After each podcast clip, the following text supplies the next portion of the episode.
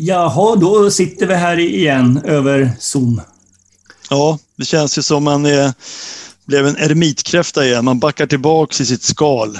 Dels så blir det mörkret och hösten som man kryper tillbaks och sen får man krypa tillbaks i det här covid-skalet igen också.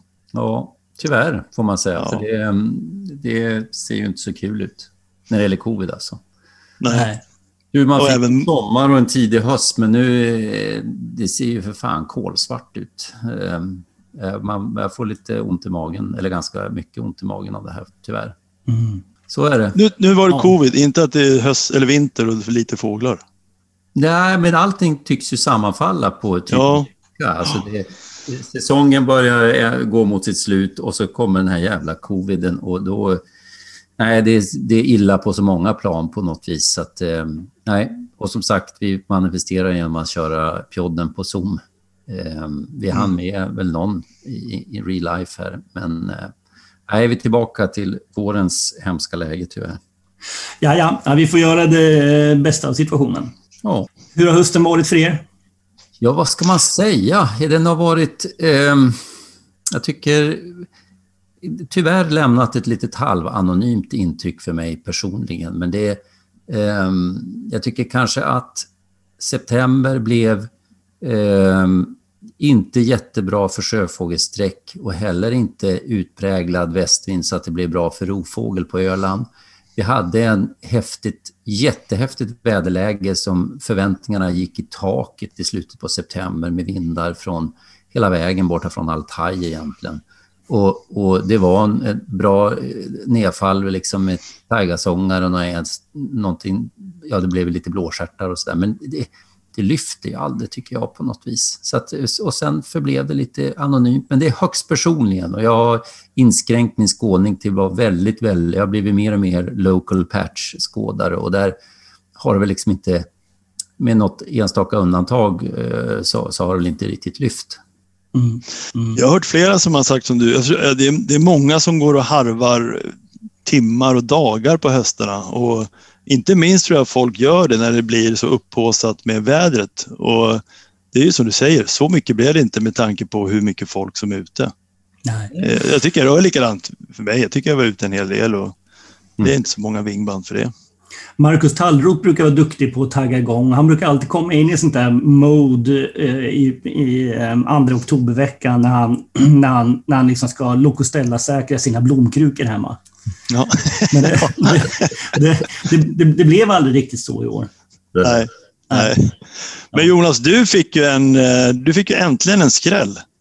Jaha, jag tror jag förstår vad du tänker på. Jag tänker på eh, att jag fick ett, ett hett efterlängtat ädelkryss.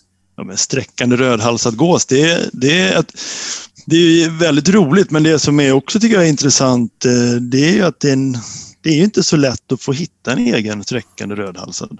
Jag, jag har ju nu bott nära Öland och skådat på Öland i 23 år och sett, ja rödhalsad gås har jag nog, kan jag säga, ser man ju årligen. Men det är just det där att eh, vara först på dem är inte helt enkelt. Uppenbarligen, för mig har det tagit väldigt lång tid i alla fall. Därför är det så kul när det väl händer. Men jag- man kan ju undra hur många hundratusen, för inte, säkert uppe och, och någon miljon vitkindade man har skannat för det här laget eh, i förhoppningen.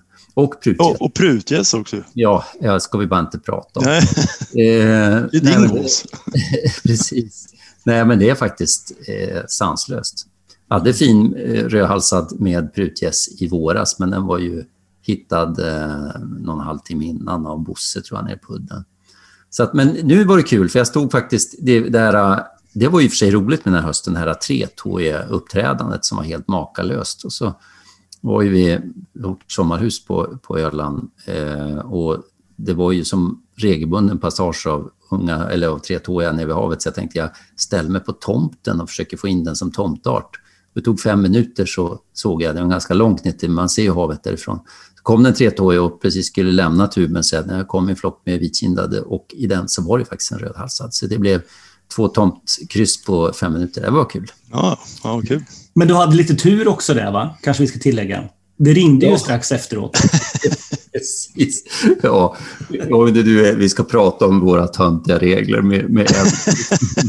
det, det är roligt. Jo, precis när jag sett det där så ringde eh, Eh, Lasse Högström, som ju bor då i grannbyn norr om, och, och frågade ja, hur är läget. Liksom. Ja, så, här, så jävla bra. Jag har precis sett en rödhalsad gås. Ja, det var jävligt bra det, för jag visste inte hur jag skulle göra. För Anders Lundqvist ringde och sa han hade haft en rödhalsad rastande här söder om Gårdby på morgonen. Och jag vet ju att du inte vill att man ska ringa och varna, så jag visste inte hur jag skulle uttrycka mig. Fan att han inte ringde en kvart ja. tidigare. Ja, vi, vi får ta ett snack med, med Lasse. Ja. Han får vara lite snabbare framöver här. Fan vad ni hade mått gott då, vet du. Ja. Nej, men eh, man kan ju säga så här, luckan är ju ganska stor nu. Ja, men nu går vi vidare. Hur har din höst varit, Magnus? ja, nej, men jag håller med Mats. Jag tror inte vi ska gå in på det faktiskt. Nej. Och någon av er, Jonas, du nämnde ju Tre Moos. Ja. Ja, det är ju det faktiskt är kul. kul. Ja. Det måste väl ha varit, det var väl, jag vet inte hur länge sedan det var en sån här bra höst på, i Östersjön. Nej, jag kan inte minnas att jag någonsin har varit med om det. Nej, det var väl, var det inte någon som, jag, jag stod någon dag där nere på Ottenby när vi hade en sju, åtta stycken och då var det någon som gick in och kollade. Jag undrar om det var så att det, någon, någon dag, rekorddagen var 90 stycken tror jag, de krillade haft i Segerstad för en 15-20 år sedan eller då. Oj, oj, oj. Ja, det är en hög siffra. Ja. Det är, det är ganska intressant för att det finns, var du som visade mig Magnus, att det finns ju lite publikationer som Artdatabanken ger ut i anslutning till Artportalen. Mm. Så de, de tar, alltså det finns ju ett enormt material där nu och så kan man göra lite intressanta analyser och så publicerar de det här i små enkla artiklar som är väldigt trevliga. Och där finns det en, jag tror att jag tror att många, inklusive jag själv förut i alla fall, tänkte var kommer de här tretåiga ifrån som vi har i Östersjön? Man tänkte att blåser de över från Skagerrak? Men det är ju ganska tydligt när man tittar på de här artiklarna att eh, vi har ett, ett, ett streck som går in från Ishavet ner eh, via Ladoga och kommer ut i Finska viken. Och det är väldigt tydligt. Eh, så jag tror man kan nog drissa sig till att majoriteten av de fåglar vi ser här har tagit den vägen ner. Och eh, en del verkar även gå över land. Eh, någon, var de kommer in vet man ju såklart inte för det är även en hel del fynd i Bottenviken och Bottenhavet. Så de har ju kommit in någon annanstans mm. än, än att gått ner via eh, förbi Kolahalvön och Ladoga ner. Men, men en intressant sak som de har sett när de tittar på åldersfördelningen det är att andelen gamla fåglar är ju väldigt liten i Östersjön jämfört med de fåglar som, som blåser in i Skagerrak och Kattegatt. Mm.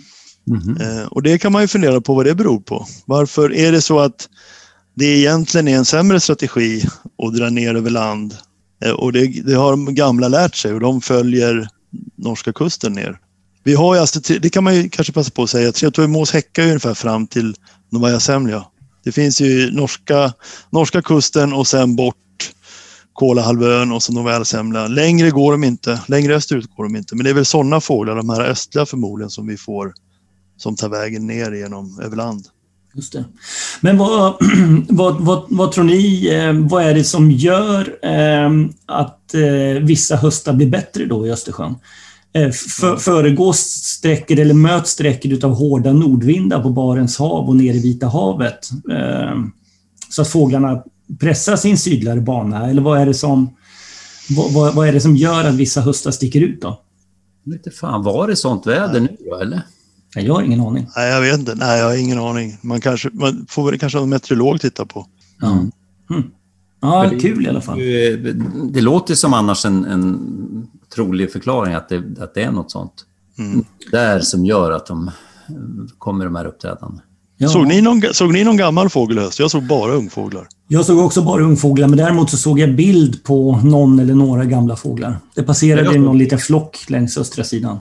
Ja, det var jag som hade bild på den. Jaha, okej. Just det. Ja. Just det. En, eh, en gammal och tre unga hade jag i en tät sammanhållen flock. Jävligt läcker faktiskt. Mm, mm. Verkligen. Mm.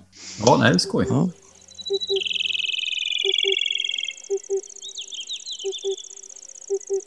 Men du, hörru Mats, du har ju också, hade ju en jävligt läcker obs eh, på eh, norra Öland här förra helgen.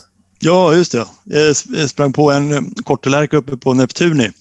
Apropå, det är ju så läcker inramning där. Är det någonstans man vill se en, en kortelärka så är det på Neptuni åkrar. Så det var ju Ja, det var ju tantraskåd som ni retade mig för, men det var ju verkligen feeling. Eh, Men den var, tyvärr var den tyst. Eh, jag hade hoppats på att få höra den lite.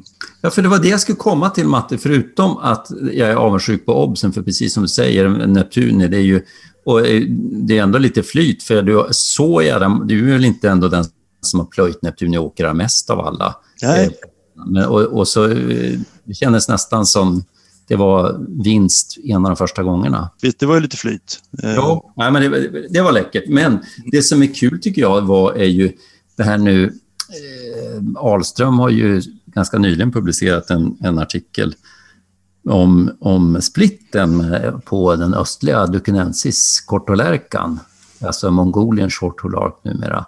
Mm. Och, ehm, ja, det var faktiskt bara här i, var i förrgår, igår kväll som via Facebook jag kom och så eh, blev det en länk till den där ah, artikeln som jag, jag läste väl eh, inte rad för rad, men eh, skannade igenom. Och framför allt tycker jag är kul eh, att lyssna på läten, locklätena på kortelärka och den här ah, numera egna arten då, Mongolian shortolak. Och det skiljer, det är ju väldigt speciell lockläte på den här.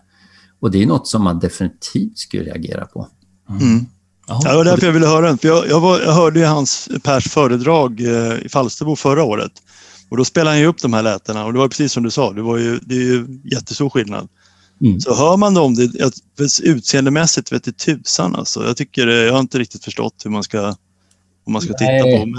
Alltså, om man säger så här, det är väl, vet jag hundan hur, hur säker man kan bli, men om man ser en kortolärka som är jätterödbrun och fin på gässan, eh, som ju en del är, eh, då är det inte så troligt att det är en östlig.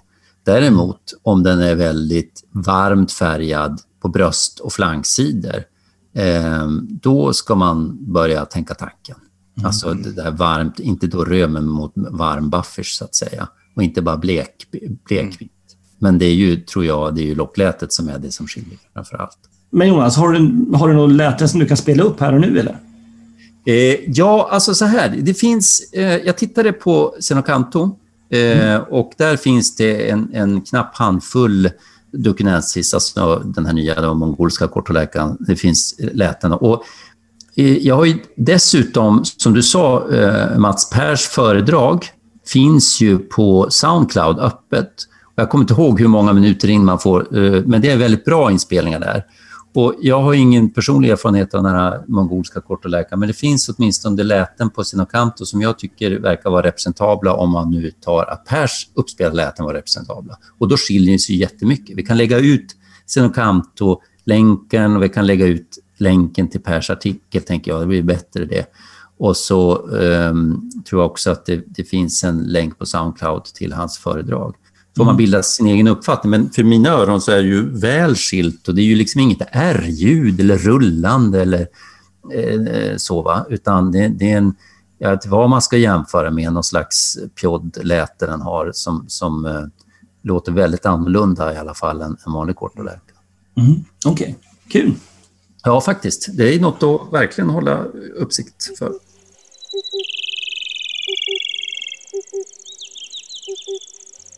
Ja, apropå den här lärkan. Vad var det för lärka som var i Dalarna? Var det en, var det en kortolärka eller var det en mongolisk lärka från en bur eller var det en mongolisk lärka från Mongoliet? Mm. Mm. Det, var lite, det var lite allt möjligt där. Och det här är ju ett ganska spännande område. Vi har ju hunnit någon morgon och diskutera det här. Vi var ju tvungna att avbryta för att ni inte riktigt tyckte likadant.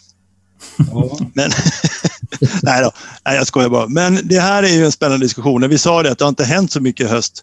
Men det här är väl höstens skräll. Att Dalarna står för den. Ja, men det måste man det kan nog vi vara överens om. Daladubben.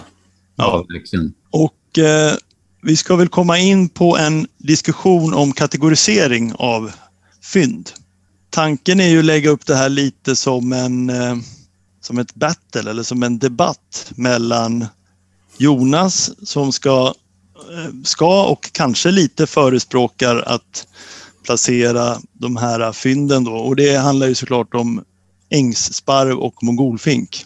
Jag, jag ska få rollen, ja. Precis. Du ska, du, ska få, du ska få rollen att de här är ju såklart eh, spontana. Ja, det, det, det, låter väldigt tacksamt Mats, för ja. jag, jag tror ju det. Samtidigt känner jag mig ju lika påläst som Donald Trump i sina populistiska... ja. Jonas, Jonas är Donald Trump och Magnus får vara Biden. det här är ju perfekt nu när vi har lämnat valet bakom oss. Det var väldigt, nej, väldigt... nej, det var dumt. Förlåt. Det var... Donald Trump har ju faktiskt mycket mer hår mitt på huvudet än vad Jonas har. mm. eh, nej, men... Eh, och då är då frågan Jonas. Ja. Du tycker då att den här ängsparven, den, den hittades ju i...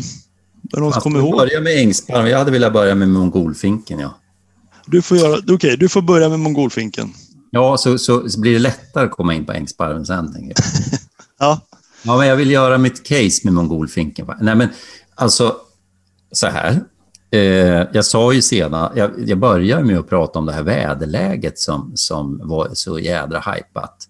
Eh, det pratas liksom om att man såg såna eh, dust winds ända från Kazakstan upp mot Västeuropa och det var ju eh, vindar och vädersystem som talade om, om som, som bar, man såg liksom fåglarna bäras med på den här vinden ända från Altaj och då pratar vi liksom västra Mongoliet. Eh, och så sen så, då sa jag, det kanske inte hände jättemycket, men just en sån här höst så dyker då Först en ängsparv upp och sen en, en mongolfink. Och då tänker man, är det här en slump? Och man kan också börja vända det till, och det är det här jag känner att jag har inte, jag vet inte detta och jag tycker det verkar vara väldigt dålig kunskap om vad som finns som burfåglar. Det är väldigt sällan man får höra någonting. Jag vet inte alls hur det är med den här eh, burfågelmarknaden i, i Sankt Petersburg som var så hypad för 20 år sedan. Om den finns kvar eller någonting. Och just då mongolfink Ehm, för mig låter det inte som den vanligaste burfågeln, men jag, jag vet inte. Men i alla fall då så dyker de här eh, mongolfinken upp på en åker i Dalarna. Och så tycker man, men vad, vad, vad är, varför kan den inte vara spontan? När man de sista tio åren har sett också, det är inte den enda centralasiatiska arten som har dykt upp. Och, eh, alltså vi har ju Eh, Eh, vi har stensångare, vi, alltså Philoscopus grisiolus. vi har eh, Roskumpa törnsgata, vi har um, Pied bushchat, vi har... Det är ju flera arter helt enkelt som, som kommer från de här områdena som um, har, har, vi på senare tid har förstått ändå kan ta sig hit. Vi har ju till exempel dvärgsångaren på landsort, inte från samma område men in, inte jättelångt flyttande art.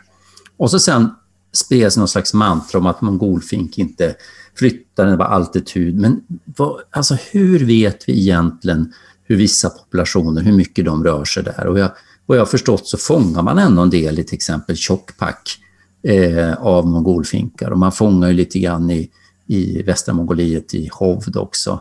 Och, eh, kan vi säga att de inte vad ska jag säga, flyttar i någon, i, mellan olika områden? Det undrar jag om vi kan göra. Och min en, nu har inte jag förberett det här på något vis, det här kom lite på uppstuds Mats, men en annan sak som jag tänkte när det där hände var att vad skiljer egentligen rörelserna mellan alltså mongolfink och ökentrumpetare? Med nära släktingar och det är inte så att ökentrumpetare heller i så fall med samma jämförelse är en väldigt långflyttare. Och så tyckte jag nog att det här måste man väl ändå kunna bedöma så spontant. Sen var det väl liksom inte case close, men när Björn Malmhagen letade upp det norska fyndet så blev ju inte direkt känslan mindre av att det här ändå skulle kunna vara ett spontant uppträdande. Men du, Mr Trump, nu måste jag gå emellan här. Det enda jag har hört från dig här nu Jonas, det är ju vad du inte vet utan, och, och, och vad du tror och vad din magkänsla säger rent allmänt, tycker du att RK ska fatta beslut baserade på fakta eller tycker du att man ska fatta beslut på Jonas magkänsla och killgissningar? Magkänsla och kill... Det är så jävla dåligt. Men du, det, det, jag kan, det jag kan tycka är ju att all, allt det här är bedömning. Man kan aldrig få fakta i, i det här, utan det är ju någonstans en bedömning och en, en, tro, en sannolikhetsbedömning som ska göra. Men när du säger så där, jag opponerar mig. Vem är det som kom fram till den här huvudlösa formuleringen för kategori D? Alltså det vill säga att de skulle ha förts till A eller B om inte hade förelegat visst tvivel. Jag tror hon formulerades av RK 1996 när du var med i kommittén, Jonas. Jag känner mig inte till... Ja, det, jag tror inte jag var med på det där. För visst tvivel. Det, om det hade stått rimligt tvivel, det är ju åtminstone en juridisk term som används vid, vid, vid bedömningar av brottmål. Alltså, men visst tvivel, det kan man ju för fan få in på allting. Jonas, du, du, du, kan inte, du kan inte komma här med, med, med den här typen utav, utav juridiska avvägningar. Du har ju just sagt själv att jag har ju inga bevis, men vad är det som gör det omöjligt att de kan flyga hit? Du har ju fel ingång. Du tar ju fel dörr, Jonas. Nej, det är i så fall du som har fel ingång. Det är du som måste i så fall leverera bevisen för att fälla, menar jag. Men du Jonas, eh, vad, vad, vad, säger din mage då om, eh, låt oss säga att eh, det här hade varit en Per David snöfink? Ja.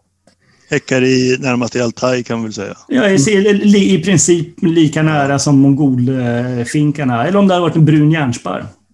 Ja, Eh, då hade det blivit en intressant diskussion. Jag tror inte heller Pierre Davids snöfinke. Däremot så finns ju faktiskt mongolfink i, i, i ända till Kazakstan eller om du så vill ända till östra Turkiet. Så den har en större utbredning och vad jag vet så om vi nu tar till exempel Tjockpack som var mitt exempel som ligger närmare eh, Sverige vad jag vet eh, än, än de utbredning där Pierre Davids snöfinke snöfink är så fångar de inte så många där jag tror faktiskt att vi kan säga att vi har indikationer på att mongolfink har en, en vidare utbredning och en större flyttning än vad den har. Vidare utbredning, det håller jag ju såklart med om. Det är ju någonting som man de facto vet. Men mm. vad, vad, vad, vad, känner du, vad, är det som, vad är det som får dig att tro att de, att de rör sig mer än vad Per David Snöfink gör? Ja, men att man fångar, du fångar ju liksom inte massa Pierre David Snöfink i Hovd. Eller vad är det som du, vad, vad, vad är det för konstigt exempel du försöker? vet, vet, du att man inte fångar den i Hovd? Nej, men i sån här argumentation får man ta vissa risker. det var en chansning där. Ja. ja, jag ska snart skicka en obehaglig handbild till dig då, Jonas. ja, nej men, eh, nej men helt seriöst. Alltså det, jag, jag ser, alltså det finns två, numera två fynd Skandinavien och fan vet om man inte kan gräva fram något till. Det finns ett fynd från, från Malta eh, som, eh, i, som vad jag kommer ihåg var ungefär samma tid på året, ett senhöstfynd. Eh, så att det är uppenbart att de kan röra på sig. Och den där Maltafågeln, den sågs ju komma inflygande från havet. Men tycker du inte att det från finns... torget i, burtorget i Palermo. Ja. Nej. Men borde det inte vara ganska lätt att få lite idag med internet och få överblick i hur, hur vanligt de här olika arterna är i fångenskap lite här och var i Europa? Jag tror inte att det är så lätt att få överblick av de där grejerna. För jag minns i alla fall, jag minns när vi hade den här alpkajan eh, på bordet eh, i RK, den som var i Halland. Mm. Då gick det ganska lätt att googla fram extrapriser på alpkajer i Holland. Mm. Alltså att det fanns i burar. Så det borde väl, men det kanske är dolt. Det, det, det, det verkar ju som det är någon som har mycket mongolfink i bur någonstans i gränslandet Norge-Sverige där i Dalarna eller i Norge. Eller? Mm, ja, precis. precis. Ja, jag tror inte, Nej. på det. Men, men, just det, jag skulle vara neutral, va? Så var det, va? Ja, så var det. Just, just det. Eh, nej, men sen, alltså... Eh, överhuvudtaget, och det, nu, delvis en annan diskussion, men eh, när vi pratar om, om... Det finns ju fler fåglar som vi har fört till kategori D, vad jag vet, men eh, vi har väl praktsparv. Eh, vi, vad har vi mer? Vi har Dorian Redstart, va? Alltså svartsjuka rödstjärt. Mm. Eh, Medan vi efter vi har fört dem, och långstjärta rosenfink, alla de här är ju ändå långflyttande arter som eh, finns i östra Asien i utbredningsområden som vi nu vet. Vi har, vi har fynd av vad heter den, Embritsa förcata, chestnut. Mm. Men du, långflyttande, det är väl att ta i lite grann va, Jonas? Man kanske kan kalla dem för medeldistansflyttare va? Ja, okej okay då. Men de flyttar ju i alla fall lika mycket. De flyttar ju längre än vad dvärgsångare mm. gör. De flyttar eh, ungefär motsvarande vad... Mm. Ja, I och för sig, Grisiolus flyttar en... Alltså, vad heter den? Vad heter den, den jag tror den rör sig ner mot Indien va? Stensångare. Ja, den övervintrar ja, i Indien. Precis. Ja, Men Jonas, du har gjort ditt case här nu på mongolfinken. Ja. Eh, jag skulle fortfarande vilja hävda att eh, jag håller med naturligtvis en hel del, en hel del eh, av det du, du säger, trots allt. Eh, eh det, man kanske kan dra några paralleller till rörelse hos ökenfinka eller hos eh, ökentrumpetare som inte heller så att säga, klassas som, som långflyttande arter. Men det, det, är, det är ju helt enkelt så att om det föreligger visst tvivel huruvida de med säkerhet har uppträtt spontant, så ska de ju placeras i kategori D. Och, och liksom den gängse behandlingen utav den här typen av fåglar, det, och, och, speciellt när det handlar om arter där det saknas fyndbilder att, att liksom väga de olika fynden emot, det är ju det som D-kategorin är till för. Man placerar dem där inne i väntan på ett beslut och i väntan på ett flytt antingen till A eller till E. Och, och, ibland går det fort. Eh, det, det, kanske bara dröjer några år så har vi helt plötsligt flera olika fynd att jämföra det här med. Ta till exempel Rosskumpa Törnsgata. Det tog inte många år innan vi hade flera fynd i Europa utav de där. Eh, men, och Spetskärta duva är ett annat exempel. Den, den fick ju sitta liksom och, och vänta i, i, 15 år eller vad det var här i Sverige innan man liksom ändå ansåg sig ha stöd för ett, ett spontant uppträdande och så flyttar man över den i kategori A. Det, det, det är precis så som systemet är tänkt att användas också. Men, men Magnus, nu, nu går jag från den här antagonistiska approachen, utan helt seriöst undrar va, du, du, säger att vi har att förhålla oss till exakt definition till kategori D.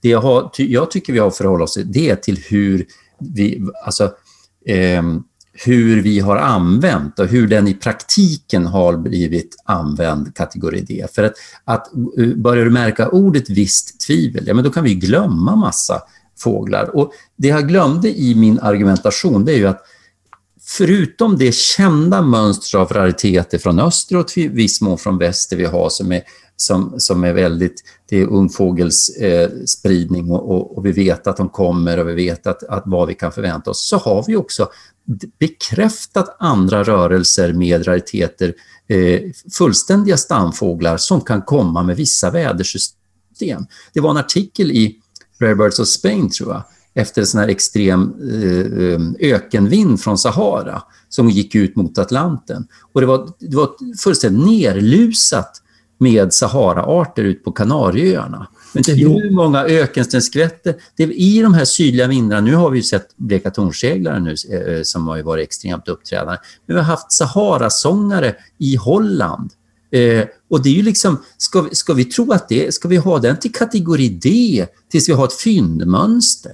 Alltså det är ju, alltså vi måste ju konstatera att, att om det liksom bedöms ändå så jädra osannolikt att, att en burfågel, att någon har en, en mongolfink i en bur som har liksom letat sig till en åker i Dalarna. För mig är det ett ohyggligt mycket mer osannolikt scenario än att den skulle vara spontan. Men du Jonas, om du då tittar på årets uppträdande utav centralasiatiska arter. Var har alla flockarna med, med ökenstenskvättor och, och var har alla flockarna med isabellatörnskator och var har, var, har, var har flockarna med svartstrupiga järnsparvar och annat? Var har de regnat ner någonstans? De här, de, här är ju, de här är ju fullkomligt isolerade, de här, de här två fynden av mongolfink och ängsparv. Jag tänkte på det. Var, var, var det alla Phoenicurides rödstjärtar? Mm. Du, jag tänkte på det, det där skulle vara intressant att höra en meteorolog. För, alltså, hur snäva små vindar som drar långt bort och som och kan droppa fåglar väldigt lokalt. Vad, vad är liksom, det låter nästan lite som någon tecknad film, men det kanske kan vara lite så. Tänk om det är så att vi kan ha värdesystem som flyttar fåglar i en smal korridor från ett litet område till ett annat litet område. Är det, är det omöjligt? Vi har ju haft sådana här situationer förut när det har varit små patcher som har haft plötsligt fyra, fem ovanliga asiatiska arter på liksom några mils radie. Är det... Men, vad, vad, har vi, ta något exempel. Jag, eh... jag tänker på den här, det var, det, var en, det var ett år i början av november vid Stenåsa, kommer ni ihåg det? För tio år sedan. Mm. Så var det plötsligt en dag så var det jag kommer inte ihåg, det var svartstrupig järnsparv, ökensenskvätta, bruns. Jag kommer inte ihåg alla arter, men det var tror jag, fyra asiatiska mm. arter i den, på den Och det var bara där i stort sett. Jag undrar om det inte var samma veva de kanske hade eh, gråhuvad sparv på utlängan. Jag minns inte det. Men men det är väl ganska men, självklart att det finns en, en, en, ett, alltså ett stort mått av slump i det där. Det är ju fullkomligt mm. orealistiskt att man kan stoppa ner en, en, en, en sug på en kvadratkilometer i Centralasien och blåsa ut den i Stenåsabadet. Nej, jag bara... Men en annan, en annan fråga där. Jag, en annan approach jag måste ändå... Det här med hur man tillämpar då kategori D, hur man har gjort traditionellt kanske finns skäl att börja det här är ju kanske inget, det är inget bra skäl, men jag tänker på hur fågelskådningen går idag med eh, splittarna gör att eh, alla fågelskådare blir av med Alltså det, vi kommer ha mera obestämda fynd bara för att man inte kan skilja de två kusinerna. De är så svåra att skilja. Och det kommer vi bli vanligare nu. Ju. Det har jag Kanske. inte tänkt på Mats. Det, har, du, har du diskuterat det här någonting på Facebook? Nej, ja, men kanske man kanske... Jo, det kanske jag har gjort. Jag har inte gjort det. Men det kanske är dags att vara lite snällare på just det här med kategori D. För att ta en sån som Dorian Red eller svartryggad rödstjärt och de här. Det kanske är bättre att kan vi inte få ha, kan, skulle man kunna få ha approachen, sätt dem med A, okej, okay, om vi nu får en fyndbild som om tio år visar att nej, det här är ju faktiskt burfåglar, då får man flytta dem till E. Alltså det skulle vara en annan ingång i det hela, men lite roligare för, för skådaren. Mm. Är det, är, är... Nej, men jag är benägen att hålla med. Alltså, som, det, finns väl vissa nu arter som man kan tycka har väl blivit övermogna i kategori D. Alltså, du nämnde gulkina kricka, det måste väl ändå vara en tidsfråga innan även Sverige tar, liksom flyttar den till A. Eh, med tanke på att man har danska fyndet och sådär. Eh, med genuin, man vet att de kommer hit genuint. Och den är inte, ska inte vara någon skillnad jämfört med de nordamerikanska änderna kan jag tycka. Så den är väl extremt eh, nära. Men de här tättingarna är väl ändå lite svårare. Och jag, jag tycker att i och med att vi aldrig, om man, om man, om man kör ordagrant visst tvivel, ja, men då, ska, då är det väl massor med arter vi inte skulle eh, godkänna. Vi skulle inte eh, godkänna den här duvan, Eh, och, och, eh, flera andra som vi ändå har accepterat. Det borde vi inte göra. Det är klart att man kan få visst tvivel om det mesta. Eh, det ja, men nu, Jonas, jag tror, det, det, jag tror inte att man ska hänga upp sig på individen här, för det är egentligen inte tanken heller med det här systemet. Utan det, det här är ju liksom en, en, bedömning mer på artnivå. Alltså när, mm. när, när man anser sig ha stöd för att anse att spetsstjärtade duvor för egen maskin tar sig över Atlanten till Europa, Eh, har man väl tagit det steget dit eh, och, och då så att säga, flyttat in de första fynden i A, i kategori A, då hör det till kutym att man därefter slutar att granska individen och man fortsätter att fylla på i kategori A om det inte är som så att, att det handlar om en fågel som är färgmärkt och vinklippt och har bjällror runt benen, för då lägger man ju såklart i, i, i, i E. Kategorier. och, det, det, är exakt så som vi gör med amerikanska bläsänder och amerikanska krickor och allting. Vi har gått med på att den här flyttrörelsen finns över Atlanten. Därför så fyller vi på i A eftersom vi, ja, eller så länge som eh, de inte uppvisar tydliga tecken på fångenskap. Ja, men då, då, då, borde vi, eh, alltså logiken på det är ju att gulkina kricka givetvis borde vara i A i och med att vi har ett danskt fynd av en, en, eh, i stort, en bevisad vild gulkina. Absolut, och samma sak gäller praktand idag också. Och det har ju, ja. det har ju engelsmännen redan gjort. De publicerar ju sina fynd i kategori A nu och det tror jag, det kommer vi säkert göra i Sverige inom ett par år också och det tycker jag är helt rätt. Ja, det tycker jag är helt man, rätt. Om man säger så här då, Magnus. Jag, det hade ju varit osannolikt jävla kul om den där mongolfinken hade blivit infångad och man hade kunnat göra isotopanalys på den där fjärilen. Men om du säger att det är ett fyndbild, nu har vi de facto tre fynd i slutet på oktober från eh, Europa. Vad, vad, skulle kräva, vad, när går gränsen när du tycker att vi börjar utkristallisera sig en fyndbild? Ja, alltså så här. vi, vi, vi skulle ju spetsa till det här lite grann nu. Ja. Om jag ska vara helt ärlig så är det ju det, det, det, det, kanske var ungefär det eh, jag saknade. Alltså ytterligare ett fynd eller två. Och där står vi faktiskt idag och det, där stod vi inte när vi började prata om det här för tre veckor sedan. Nej, jag, det, jag ska bjuda Björn Malmhagen på en bärs när jag träffar honom. Ja, det får du göra. Men du, vi har fortfarande inte berört Ängsparven. Nej, precis. Den vill vi höra mer om. Vi kanske ska börja med var häckar den så att eh, lyssnarna vet det. Väldigt, eh, alltså den, den, den häckar ju i samma område som mongolfink. Alltså det är väldigt nära varandra, men, men eh, den har väl eh, delvis lite annorlunda utbredning. Ja, de, finns, de finns ju sparsamt ifrån sydöstra Kazakstan kan man säga, eller östra Kazakstan. Och sen upp uppe i Altaj och sen vidare i ett bälte österut i södra Sibirien och i Mongoliet och i norra Kina kan man säga. Och den är indelad i några raser va? Som är lite, ja. De är ganska subtila. De. Eh, ja, ja, men de går nog att skilja på, men det finns lite olika raser och så. Men, men, eh, och, och, jag tror att generellt sett så ska man väl fundera på, på de här... I den här diskussionen så är det ju då de, de sydsibiriska, mongoliska fåglarna som är, som är relevant såklart. Men den här fågeln i Dalarna, den ängsparven, den går inte att komma någon vart vad det gäller ras, rasbestämning? Jag tror inte det. Tyvärr så försvann ju den rätt snabbt, så att det blev ju aldrig några bra bilder på den. Eh, och det, det, är lite, det är lite synd tycker jag. Kan man säga någonting om ålder på den? Ser man någon stjärt bra eller är det något? Nej, det gör man inte. Man ser det lite grann ifrån sidan. Det är en väldigt dålig vinkel att bedöma ålder eh, för. Man, man, man, får inte något, någon bra uppfattning alls om, om form på stjärtpennorna och så.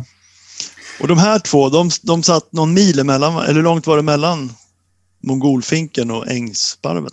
Det var någon som sa två mil till mig. Jag vet inte om det stämmer. Och i samma, i det här samma område så satt det även en en vitgumpad buskvätta som förmodligen var en steneger, va? eller den hade ett stenegerutseende, alltså den östligaste av dem.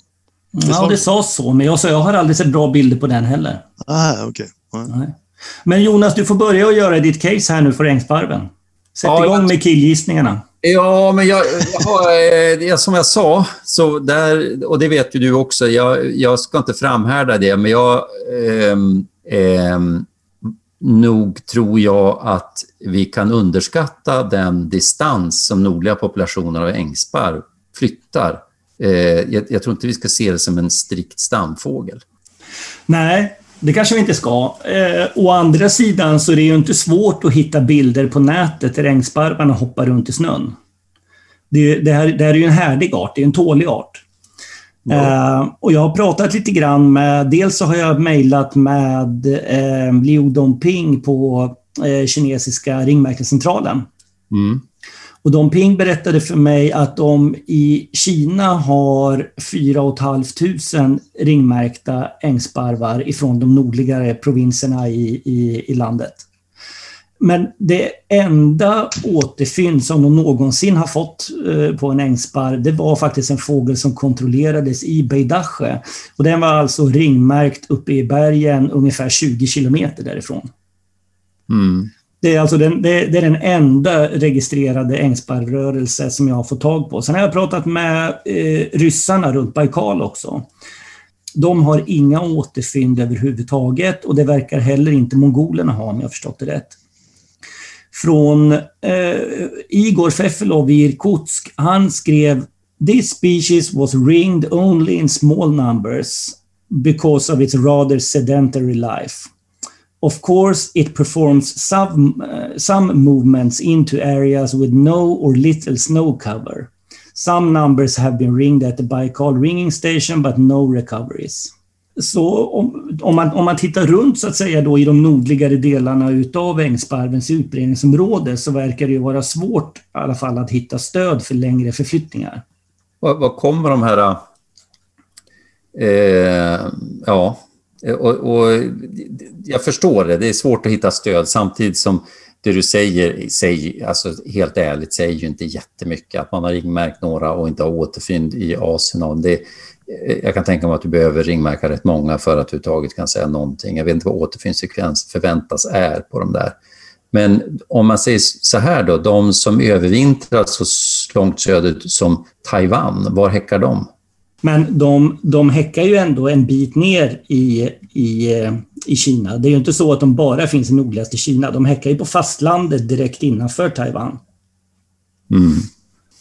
Ja, jag, jag, jag har svår, jag, det känns av någon anledning svårare att göra ett bra case av, av ängsbarmen, men det är lite också för att eh, det lilla man har kollat så kändes fyndbilden lite spretigare, plus att är inte den ändå mer etablerad burfågel, eller vet vi det? Jag, jag känner inte till det. Jag känner inte till det alls. Fan Matte, du har varit så tyst här nu. Du, du... Jag lyssnar bara. Jag, jag har inte... Det är ju...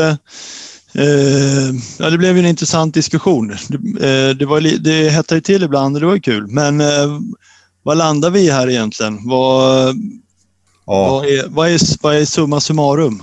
Vi kanske får göra en sån här Facebook-poll på båda de här arterna. Och så får lyssnarna gå in och klicka i. Det tycker jag var bra idé. Ja, så gör ja. vi. Kategori A ja. eller D för ängsparv respektive... Eh, vad heter den? Mongolfink heter den nu va? Jag hoppas inte du ifrågasätter röstningen och demokratin sen bara. det, det där är ditt bord, Jonas. Mr Trump. ja. du, nej men eh, spännande. Mm. Innan vi eh, slutar här bara Mats, jag skulle vilja återkomma till det, till det du sa om de här andra arterna som ligger, eller kanske var Jonas förresten, de andra arterna som finns i kategori D. Till exempel svartryggad rödstjärt, långstjärtad rosenfink, tatarfalk, eh, ja, både praktand och gulkindad kricka. Jag kan ju också tycka att de här, eh, att de här fynden är eh, kanske lite hårt behandlade. Jag, jag, jag förstår vid jag förstår vid den tidpunkten, de flesta av de här fynden är ju från eh, jag säger första halvan 90-talet eller någonting sånt. Jag kan förstå att man då la dem där, men frågan är ju då faktiskt om man nu med eh, lite nya ögon på eh, fåglarnas rörelser från östra och centrala Asien och så, om de förtjänar den här kategori, eh, kategori D-behandlingen som de har fått. Det kanske är så faktiskt att man ska ta en ny titt på flera av de här arterna som ligger i kategori D. Mm. Åtminstone, ja, i, åtminstone om det är så att man till syvende och sist väljer att man väljer kategori A för mongolfink och, och, och kanske för ängsparv. Eh, gör man det så måste man nog ändå inse att det får, eh, att det får vissa konsekvenser. Mm. Men svart, just svartryggad rödstjärt tycker jag nästan är konstigt att vi inte har lite fler fynd av. Alltså det är en ganska stor population som flyttar. Den finns relativt nordligt och eh, jag hade nog trott att det skulle dyka upp något fynd eh, de senaste tio åren. Mm. Mm. Eller hur? Den är, den är ju en, det är ändå en av de vanligare när man är i, om man åker på hösten och, och eh, i södra Sibirien på ja. sträck. Jo. Och jag, om jag minns rätt så placerades den i kategori D delvis motiverat utav att det var en gammal hanne. Att man tyckte att, um, att, att det sänkte så att säga, sannolikheten. Men eh, vad jag tror att man inte kände till på den tiden när man gjorde det var att till skillnad från våra rödstjärtar här i Europa så är eh, unga hannar utav svartryggade rödstjärtar, de är mycket mer adultlika. Och jag har sett bilderna på den här fågeln eh, ifrån Örebro. Det var i slutet av september, 90-talet någon gång. Eh, och på de bilderna som finns på den fågeln, det finns inte en möjlighet att åldersbestämma eh, mm. den individen. Det kan precis lika gärna ha varit en ung hanne. Så, så om, om åldersbestämningen var en del av motivet till placeringen i kategori D, då tycker jag egentligen att man ska ta en ny titt på det, på det fyndet. När, när behandlades den här? Alltså, om, om jag minns rätt, men jag är inte alls säker, men jag tror att det var eh, att fågeln sågs i Örebro i slutet av september, kanske 97 eller någonting sånt. Det, alltså jag, det värsta är att jag kan ha varit med på... Ja, jag tror att, att du var det. Ja, det känns inte bra. Nej, då gick det minsann bra med kategori D. ja, för fan. Nej, alltså jag, jag, håller helt med. Det här måste ju omgranskas. Men mm. har du bilder på den, Magnus? Ja, det ligger i RKs arkiv. Mm -hmm. mm. Ja, vad spännande. Mm. Jag kan säga här när den svartryggade rödstjärten var. Det är 1997, 22 till 26 september. Den är publicerad som adult hanne i Örebro. Ja, precis. Det var det jag, det var det jag mindes. Och jag, jag, jag tror som sagt att den åldersbestämningen, den, den håller faktiskt inte. Det, det kan lika gärna ha varit en ungfågel. Mm. Uh, och då, då tappar man ju nog ett av argumenten egentligen.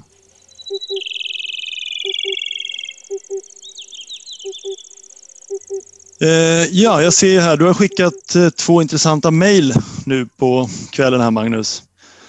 Det första mejlet är ju två buskskvätter. Mm. Vad, berätta vad vi tittar på, eller vad är det här? Eller ja. får du göra det? Eller ska du inte berätta? Eller? Vad var tanken, Magnus? Ska vi säga vad det är till dig, eller? Ja, nej, nej, nej, den här gången. Jag försöker inte lura er på något sätt. Gör jag inte. Jag, men det, jag, det har varit två stycken svarthakade buskvätter i omlopp i Europa i år. Två stycken hanfärgade fåglar som jag har tyckt har varit... Ja, men de har stuckit ut lite grann faktiskt. Det är eh, båda två hanar som ju faktiskt uppvisar ganska stora eh, vita övergumspartier. Ja, man kanske ska börja med att säga att de är alltså nu från oktober, så att det här är ju fräscha höstdräkter. Det är inga slitna sensommardräkter eller någonting. Eh, så det är fräscha individer, men de uppvisar ju ovanligt stora eh, och vitaktiga eh, övergubbspartier helt enkelt. Så pass mycket så att när man vid första anblick ser de här så får man ju ganska Ja, men man, man får ju liksom ett, ett ganska eh, tungt östligt intryck av dem. Eller håll, håller ni inte med om det? Jo, första anblick är ju så. Ja. Första anblicken. Mm. Precis som i många andra fall så måste man ju väga ihop eh, ett antal karaktärer med varandra för att få fram någon slags grunduppfattning om vad det är för något. Och, och, båda de här två blev ju väldigt välfotograferade så att det finns ju fina bilder på vingundersidorna och det finns eh, eh, helt okej okay bilder där man kan avgöra ni vet, flanktäckning och sådana saker också. Men eh, jag måste säga att den här övergumpen, eh, den ser ju också ganska osträckad ut i, i, i, stor utsträckning. Det är ju bara de här, den allra nedersta raden som, utav övre stjärttäckare som innehåller lite streck. Eh, och det är ju faktiskt ovanligt hos, hos rubicola. Däremot så kan det ju förekomma hos Steinigeri. Och just på grund utav det så, så blev ju det här lite spännande. Vad är det som gör att det här inte är Steinigeri-hannar? Hänger ni med på hur jag menar? Jajamensan, jag förstår precis. Ja. Mm. För att för på, på, något sätt så de är så pass markerade de här längst övre stjärttäckarna så att Maurus, de faller liksom, den faller liksom bort lite grann ur ekvationen. Men, men då har man ju det här konstiga eh, faktumet att, att fåglarna i Östasien jämfört med västra Asien de östligaste i Nigeria, alltså murbuskvätterna, de blir ju i viss utsträckning faktiskt mer rubicola-lika än vad, än, vad, än vad Maurus blir. Mm. Och jag måste säga att jag tyckte att de här var svåra, men det som till syvende och sist avgjorde det hela, för min del i alla fall, som gör att jag tycker att man ändå kan spika dem som, som rubicola, eh, det var ju det faktum att båda två de här fåglarna är ju väldigt utfärgade. Alltså de är ju väldigt adultlika i ansiktet. De har liksom en homogent svart eh, haka, de är helt kolsvarta i tygen. Det är liksom eh, ja, det, det, det, är en väldigt tydlig eh, hanteckning generellt på båda de här individerna. Och, och, så ser ju rubicola ut även som första vinter. Alltså även unga hannar rubicola ser ut på det viset. Däremot om man tittar på de, på de sibiriska formerna, där, där ser inte ungfåglarna ut på det här sättet. Utan om den här fågeln hade varit kläckt i Asien, då skulle det här nödtvunget ha varit en gammal fågel för att kunna uppvisa det här ansiktet. Och, och, och, då måste man liksom göra den här eh, bedömningen, om, om man nu vill, vill, vill se, håller det här som en, som en östlig fågel, som en amurbuskrätta, då måste man då betrakta den här buskrättan utifrån Eh, det att det skulle vara då en gammal hanne. Och då finns det ju de här bilderna på undervingarna också och, och, och tyvärr så de här undervingarna de håller ju inte alls eh, för en, en gammal hanne amurbuskvätta på, på hösten. De är ju mycket svartare i vingarna än vad de här var utan det här de här undervingarna de ser egentligen ganska så Rubicola-typiska ut med lite mörkare handtäckare och vitare in mot kroppen och så. Så att just den här mismatchen mellan undervingen och huvudteckningen på de här två individerna, det tycker jag till, till syvende och sist så, så var det det som, som fällde avgörandet för Rubicola, tycker jag. Men, men det är nog kanske, det är nog faktiskt de två råaste rubicolafåglar som jag har sett någon gång på, på, på hösten. För i fräscha dräkter brukar de inte vara så här vitgumpade och dåligt streckade. Um, så jag, jag, tyckte de här var, var riktigt eh, svåra och luriga och hade det inte funnits ett, ett stort fotomaterial på dem, då tror jag nog man hade fått lägga dem åt sidan. Men, absolut, Magnus. För det, du pratade, en var väl den här önufågeln, va? Ja, just det. Det glömde jag kanske säga faktiskt. Den ena var ju en fågel som fotograferades uppe på Ölands norra udde eh, av bland annat Marcus Tallroth och Tobbe Berger och kanske någon mer också. Och det andra var en fågel ifrån södra England som jag fick skicka till mig. Det var någon vecka innan ön, eller ett par veckor innan önufågeln. Mm.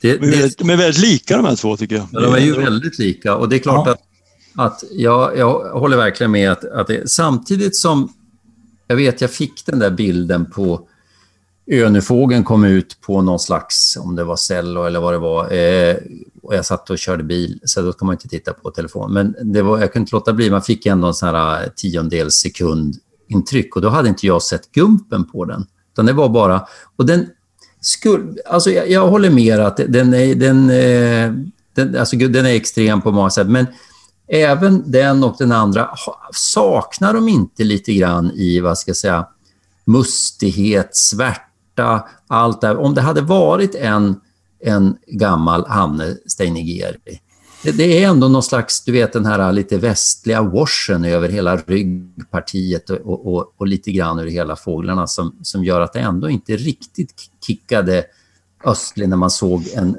innan vi såg gumpen på den så att säga. Jag håller helt med om det. Och jag tyckte också att den här, den här lite brända eh, tegeltonen på, på bröstet, eh, den luktade ju också Rubicola lång väg så att säga. Mm. Men, men, men eh, och, och, och jag, jag tänkte precis som du när jag såg de här första bilderna på den sittande fågeln. Då, då kände man bara rent färgskalemässigt så kändes det ju som en, som en västlig individ. Det var liksom no-brainer någonstans kände jag. Sen blev jag ju uppenbarligen lite paff när man såg Gumpen. Bara, What the fuck? Men, ja. men det var verkligen, första var som ingen snack. Nej, nej, nej jag, jag, jag håller med. Men, men det är lite roligt att de är så pass lika varandra, de här två individerna. Att de dyker upp eh, eh, att, att de dyker upp så pass tätt intill varandra. Eh, ändå. För det, det, här är ju inga, det här är ingen vanlig syn. De, de, här, de här teckningarna är ju inte vanligt förekommande hos dem. Nej. Nej, men det, nej, nej, jag ska inte säga emot det där, men det är ändå inte...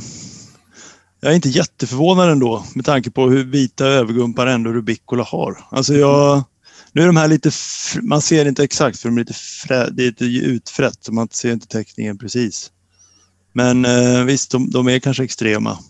Mm. Men det är ju nästan ja, ja. som man hade tänkt att om det hade varit en Stenegri så det är nästan som man tycker att de är för vita, för långt upp och för, ja.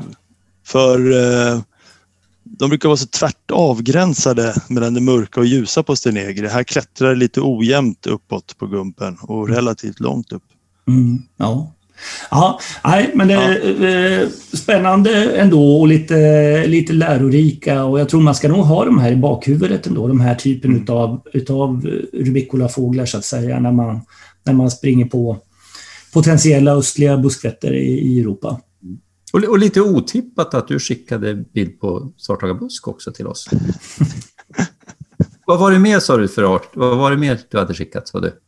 Nu kommer vi till nästa mejl. Eh, och hör och häpna. nu, är... nu, nu måste han ha överraskat oss va? Ja, det är en törnskata. Oj då! jag skojar, det är en melanitta till dig Jonas. Nej, men det här är nog kul. Det här var roligt. Det här är ju en... Ja, vad ser vi här? Här ser vi någon törnskata som antingen är en, en eh, brun törnskata eller så är det en Turkestan-törnskata. Och det är det som är frågan. Den här är från, vad står det Magnus? Är den från UK? Ja, det stämmer. Det stämmer. Det är en engelsk fågel som jag fick skicka till mig från eh, Brian Small i England. en fågel som orsakade lite debatt under flera dagar faktiskt hos, eh, hos, engelska, eh, hos engelska fågelskådare. Och det är lite udda, tycker jag ändå, att det är en, en, en gammal hane, törnskata, alltså eh, ja, Turkestan slash brun törnskata, som orsakar lite, lite huvudbry ja. i alla fall hos folk. Mm. Men den är ju svår den här väl? Det, väl, det, kan man ju förstå att det var diskussion. Jag fattar också det. För det, alltså, ni som kan det här, så, så det är ju inget spännande. Jag som inte kan det är ju, kan ju blotta mig mer, för jag håller helt med. Alltså, när jag först såg de här, tänkte jag den här är ju alldeles för...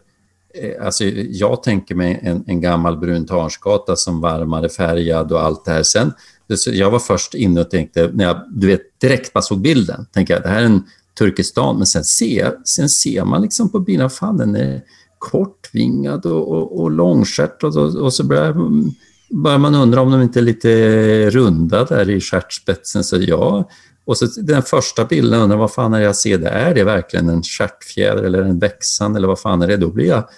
Så jag backar från min första intryck här. Mm. Ehm, och, och börjar fundera om det kan vara en brunis det här.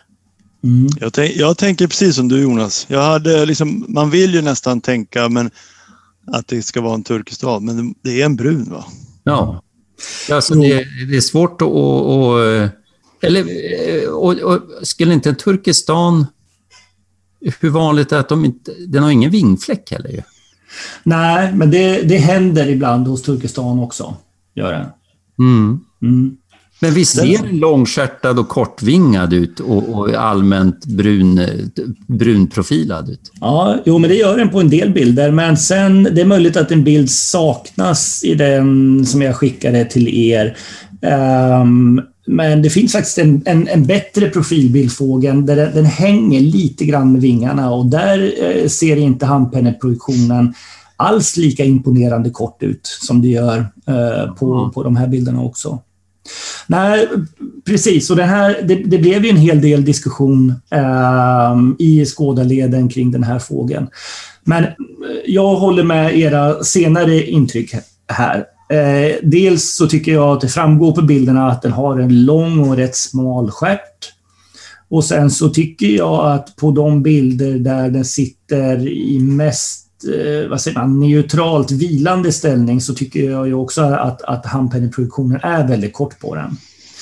Och sen så tycker jag också, om man tar en titt på näbben, så ser den ja. ganska kraftig ut. Precis, jag skulle säga det. Ja, alltså, kan den vara så här grov på en turkestan? Nej, nej jag, skulle, jag, jag, jag har i alla fall aldrig sett en turkestan nej. som har uppvisat en sån här kraftig näbb. Den här vill man ju inte bli biten av. Det är, det är ett bra kriterium, va? Ja, det, det är bra kriterium. Är den. Och sen så tycker jag kanske att man anar också, för det här som, ja vi nämnde här att det är en gammal hanne. Och jag tycker man anar ett visst färgstick i bröstet, att den har ja. den här lite gula undertonen snarare än den här persiko eh, aprikosfärgade tonen som man ser hos Phoenicurides-fåglar. Ja, Men, och det roliga med det här också, eh, för det finns ju några bilder här eh, där, man, där, där stjärtfjädrarna spärras ut lite grann och det, man ser ju inte riktigt den här korta T6an på, på fågeln. Ni vet som bruna törnskator ska ha den här kraftiga graderingen utav stjärten med de korta yttre stjärtpennorna. På något foto ser det ut så. Ja, men på första ser vad är det man ser där då? Är inte det Ja, ja men det, det, det, är lite, det är aningens lurigt att räkna, tycker jag, i alla fall ihop det där. Eh, men faktum är att det finns faktiskt bilder, det kom flyktbilder på fågeln sen och eh, det visade sig sen att på fågelns ena sida så har den alltså tappat T6an. Så att den är bara liksom, den håller på att växa ut och är bara ett par centimeter lång. Så när fågeln spärrade ut eh, skärten så, så hade den alltså en, den ena stjärthalvan hade inte alls en kort yttersta penna om ni förstår hur jag menar, medan den andra stjärthalvan hade det. Och det här orsakade också lite ny, eh, eller ja, ytterligare lite osämja så att säga bland, bland skådarna, eller folk var oense helt enkelt om, om den hade en brun törnskatestjärt eller inte. Men som sagt, på de här flygande bilderna som sen publicerades, flyktbilderna där stjärten fotades underifrån, där ser man hur, hur, hur fågelns högra T6 är på väg att växa ut igen. Mm. Så jag tror, eh, eller inte bara tror, det går, gör man liksom en, en sammanvägd bedömning av den här fågeln så, eh, så kan man inte landa på, på något annat än, än en brun törnsgata. Det, det, det är ju en brun törnsgata.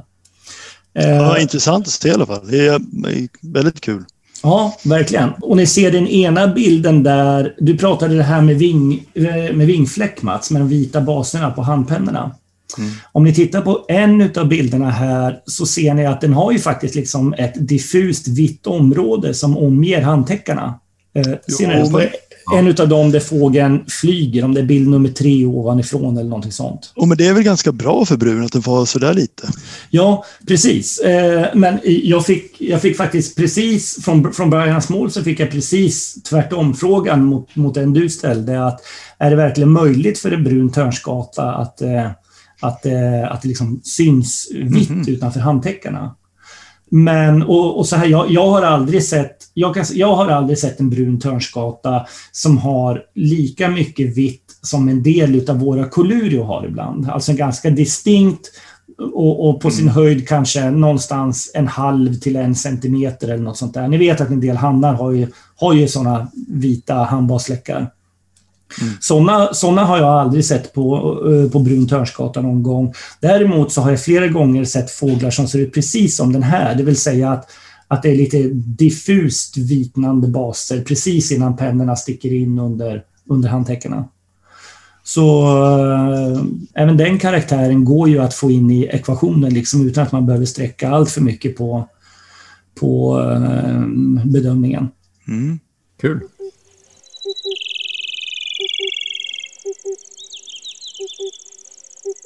Okej, okay, hörni. Eh, själv har jag nog faktiskt inget som jag inte kunnat släppa från eh, senaste tiden här, men jag lämnar över direkt till eh, er istället. Mats, ska du börja? Ja, men jag tyckte det var så roligt med eh, den här, ska vi kalla det invasion eller inflöde av eh, bleka tornseglare. Och eh, just det här att det dök upp bleka tornseglare tillsammans med tornseglare. Ja, just det. Och eh, det var ju framförallt, tänker jag på en dag när det var en blek och en vanlig tornseglare i Borgholm samtidigt som det var en blek och en vanlig uppe på norr, Ölands norra udde. Mm. Eh, det är lite intressant på flera aspekter. Eh, just bara fenomenet är ju är intressant och det är väldigt kul att se dem ihop. Jag såg aldrig de här men man har ju sett foton och väldigt trevliga eh, direktjämförelser på, på Facebook. Men, eh, men också då att de här två som dök upp i Borgholm, de dök upp dagen innan. Och dagen efter så dök det upp en blek och en vanlig på Ölands norra udde. Och hade de, hade de här två inte varit kvar i Borgholm dag två, då hade, man ju, hade ju nog jag i alla fall tänkt att det absolut var de två som sen sågs på Ölands norra udde. Men tack vare att man fotade och såg dem i Borgholm så vet vi att det var faktiskt två sådana här par. Ja, ja jätteroligt. Det tycker jag var lite kul. Väldigt kul. Och en, en sak som jag kan skarva på med där också som, som slog mig här nu är eh, vilken helt annorlunda diskussion det är idag när de här eh, bleka tornseglarna ses i landet mot vad det var för bara tio år sedan. Efter, eh, efter Hans Larsson och Mats Wallin, den här fantastiskt fina VF-artikeln som de skrev, det, för det var ju faktiskt en riktig eye-opener, det var en game changer kan man säga, den artikeln. Mm. Eh, och eh, jag, jag, tycker det är lite roligt och eh, det, det, det, på något sätt är det lite kul eh, att det döljs så mycket eh, så många spännande problem att gräva i eh, ännu nu, så att säga, under 2010-tal, 2020-tal. Ja, jag skulle säga så här, och framför allt blir de ju kvantifierade och konkretiserade på något vis. Alltså det är ju eh, som, som gjorde att det också går att, att, att gå och känna sig liksom övertygad när man tittar på eh, på bilder. Alltså jag tänker framförallt på karaktären med mellersta, ljusa mellersta täckare under. Så kan man väl ändå säga att det fanns, alltså folk bestämde bleka tornsegel på att de var ljusare under, att det ljusa gick längre fram på vingen, blev liksom ett ljusparti där. Men att sen känna sig övertygad och, och jag menar, jag håller helt med dig, det där var en eye-opener att få det beskrivet på det viset. Och, sam, och sen är det ju många andra bra karaktärer med huvudform och strup. Alltså det var nej, kanon. Mm. Ja, verkligen. Och det är, ju, det är ju helt uppenbart att vill man ha en blektonseglare godkänd från Nordeuropa nu för tiden, då är det ju plus eh, två och tre fjärdedelar överexponering på kameran och sen är det ju bara att smattra. Eh, ja, jag tror att det, kamera har ju liksom blivit ett, något av nästan ett måste när det gäller eh, blekton. Du ska nog ha den rätt bra om, om man ska känna sig säker utan kamera idag. Ja, Jonas? Ja, men du, det, jag måste nästan, för det handlar lite grann om det du var inne på Magnus, här, att, att det är så kul att det kommer vissa saker som man liksom inte haft koll på. Och nu råkar det här vara ett ämne som jag vet att det finns massa, massa detaljer som inte jag har koll på, men jag blir ändå helt paff när jag väl då satt mig och läste en artikel. Det kom ett inlägg på Vår skådarvärld av en, jag känner inte den här personen, Daniel Lavesson, eh, verkar vara en västkustskådare, som sa att ja, hörni, pass på nu för det tycks möjligtvis vara en liten eh, invasion av eh, Mindy Korsnäbb av typ N6. Då, då, då klickar det till för er, va? Typ N6, ja. Nej, och jag, och jag kände bara... Jag, jag, jag, det här var ju liksom totalt eh, obanad terräng för mig. Så att, men som tur var var det ju, är ju länkat en artikel och jag minns ju bara när det här Sound Approach-gänget när eh, redan för många år sedan kom och man satt och lyssnade på en CD och undrade om det var Kippe, Glipp eller, eller Wandering Crossbills och allt det här. Och sen där lämnar man det. Men sen satt jag ändå och lyssnade igenom det läten. Och det jag... Det är, två, det är flera saker jag inte kunnat släppa, för det här måste man nästan komma tillbaka till. Dels hur ändå ganska många, hur grymt mycket inspelningar som är analyserade av många och hur, hur det ändå tycks ändå finnas någon slags eh, ordning i detta, även fast det är mycket som inte är känt. Det finns mycket som, som faktiskt är riktigt intressant. Men det är också matt, blir helt matt över, det är att när man tittar på sonogram så är det en del typer som skiljer ut sig jättetydligt, alltså väldigt typiska sonogram. Eh, och så sen lyssnar man på lätena och för örat så är det jädrar i mig inte enkelt. Det går bra när man sitter med datorn och lägger upp de här lätena och lyssnar direkt efter varandra. Men i ärlighetens namn, skulle jag nu om en vecka ha någon översträckande flock, då är det ju skitsvårt alltså. Och ändå så är de så väl skilda när du tittar. Sonogrammen ser otroligt olika ut.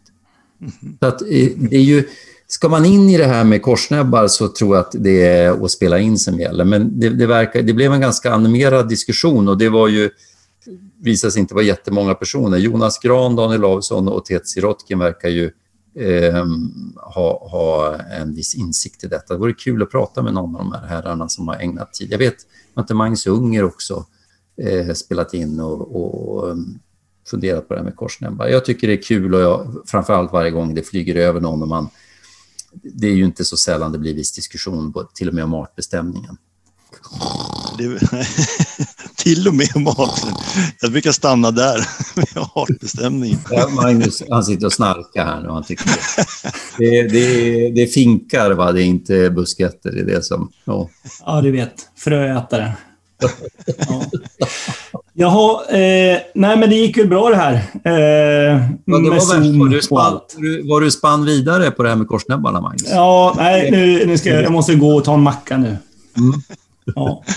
Eh, hörni, tack så jättemycket för idag. Ja, tack. Hej, hej. Vi hörs. Hej. hej. hej.